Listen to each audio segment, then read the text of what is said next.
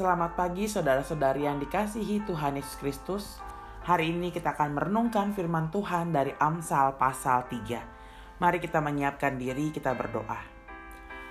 Bapa di surga, kami mengucap syukur untuk pemeliharaanmu dalam hidup kami. Hari ini kami boleh menikmati hari yang baru pemberian Tuhan. Kami hendak mengawalinya dengan membaca dan merenungkan firman-Mu. Untuk itu, tolonglah kami supaya siap menerimanya dan lembutkanlah hati ini supaya kami dapat memberi diri dituntun oleh firman-Mu dalam kehidupan kami. Dalam Kristus kami memohon. Amin. Apakah saudara pernah mendengar atau bahkan mungkin mengunjungi Laut Mati? Laut Mati merupakan titik terendah bumi sekitar 1412 kaki di bawah permukaan laut. Laut Mati merupakan danau yang sangat asin.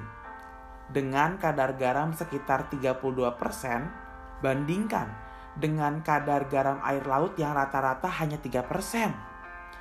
Tidak ada bentuk kehidupan yang dapat bertahan di dalam air laut mati itu.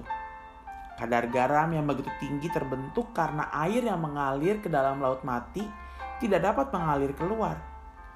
Maka dia dinamakan mati, tidak ada kehidupan dan tidak mengalir. Laut mati adalah laut yang mati karena hanya menerima dan menahannya tanpa pernah memberi atau mengalirkan airnya keluar. Beberapa dari kita sangat mungkin menjadi laut mati bagi sesamanya. Itu sebabnya berdasarkan pengalaman penulis Amsal memberi kita nasihat di Amsal 3 ayat 27 sampai 28. Janganlah menahan kebaikan daripada orang-orang yang berhak menerimanya, padahal engkau mampu melakukannya. Janganlah engkau berkata kepada samamu, "Pergilah dan kembalilah besok akan kuberi." sedangkan yang diminta ada padamu. Di sini penulis Amsal memberi nasihat kepada kita untuk memiliki kemurahan hati. Kemurahan hati adalah lawan dari keserakahan. Orang yang serakah adalah orang yang menahan apa yang dia miliki dan menyimpannya bagi dirinya sendiri tanpa peduli dengan kebutuhan orang lain. Sangat mungkin keserakahan ini terbentuk oleh karena kerasnya kehidupan yang dijalani oleh seseorang. Kerasnya kehidupan yang membuat kita lupa untuk lembut terhadap sesama. Kita terlalu memusatkan perhatian pada betapa kerasnya hidup yang kita jalani sampai lupa untuk peduli dan mengasihi sama. Kita merasa sangat capek, sudah bekerja begitu keras, sehingga kalaupun saya memiliki apa yang orang lain butuhkan, eits, nanti dulu. Enak aja main minta. Saya juga udah capek. Kamu juga harus usaha dong. Jangan cuma minta aja. Itu yang mungkin terjadi. Hidup memang gak pernah mudah saudara. Tapi tidak juga kerasnya hidup yang kita jalani membuat kita juga mengeraskan hati untuk mengingat panggilan kita yaitu jadi saluran berkat dan bukan hanya menampung berkat. Maka kita perlu belajar untuk punya hati yang dipenuhi rasa puas dan cukup.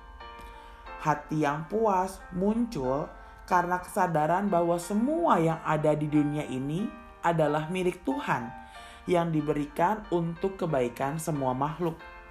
Oleh karena itu, Rasa puasnya adalah ketika melihat tidak ada orang yang kekurangan, melainkan cukup.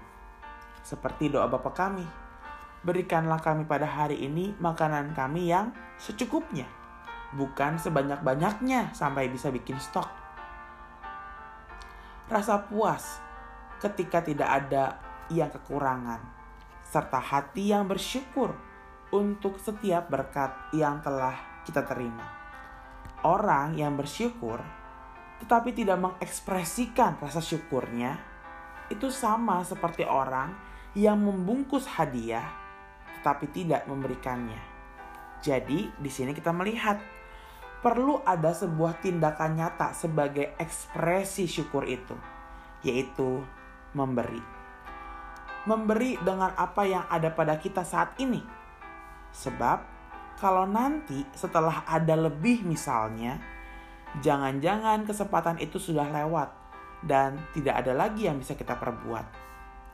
Saudara, pesan dari firman Tuhan ini sejalan dengan masa prapaskah yang sedang kita jalani saat ini. Masa di mana kita menghususkan diri untuk tekun berusaha mematikan keinginan daging dan menjadi saluran berkat bagi sesama. Kiranya kita bisa memakai waktu ini untuk melatih diri, memiliki kemurahan hati yang diawali dengan hati yang puas dan penuh syukur sehingga kita tidak menjadi laut mati, tapi menjadi laut yang hidup sesuai panggilan kita untuk jadi saluran berkat Tuhan. Mari kita kembali berdoa.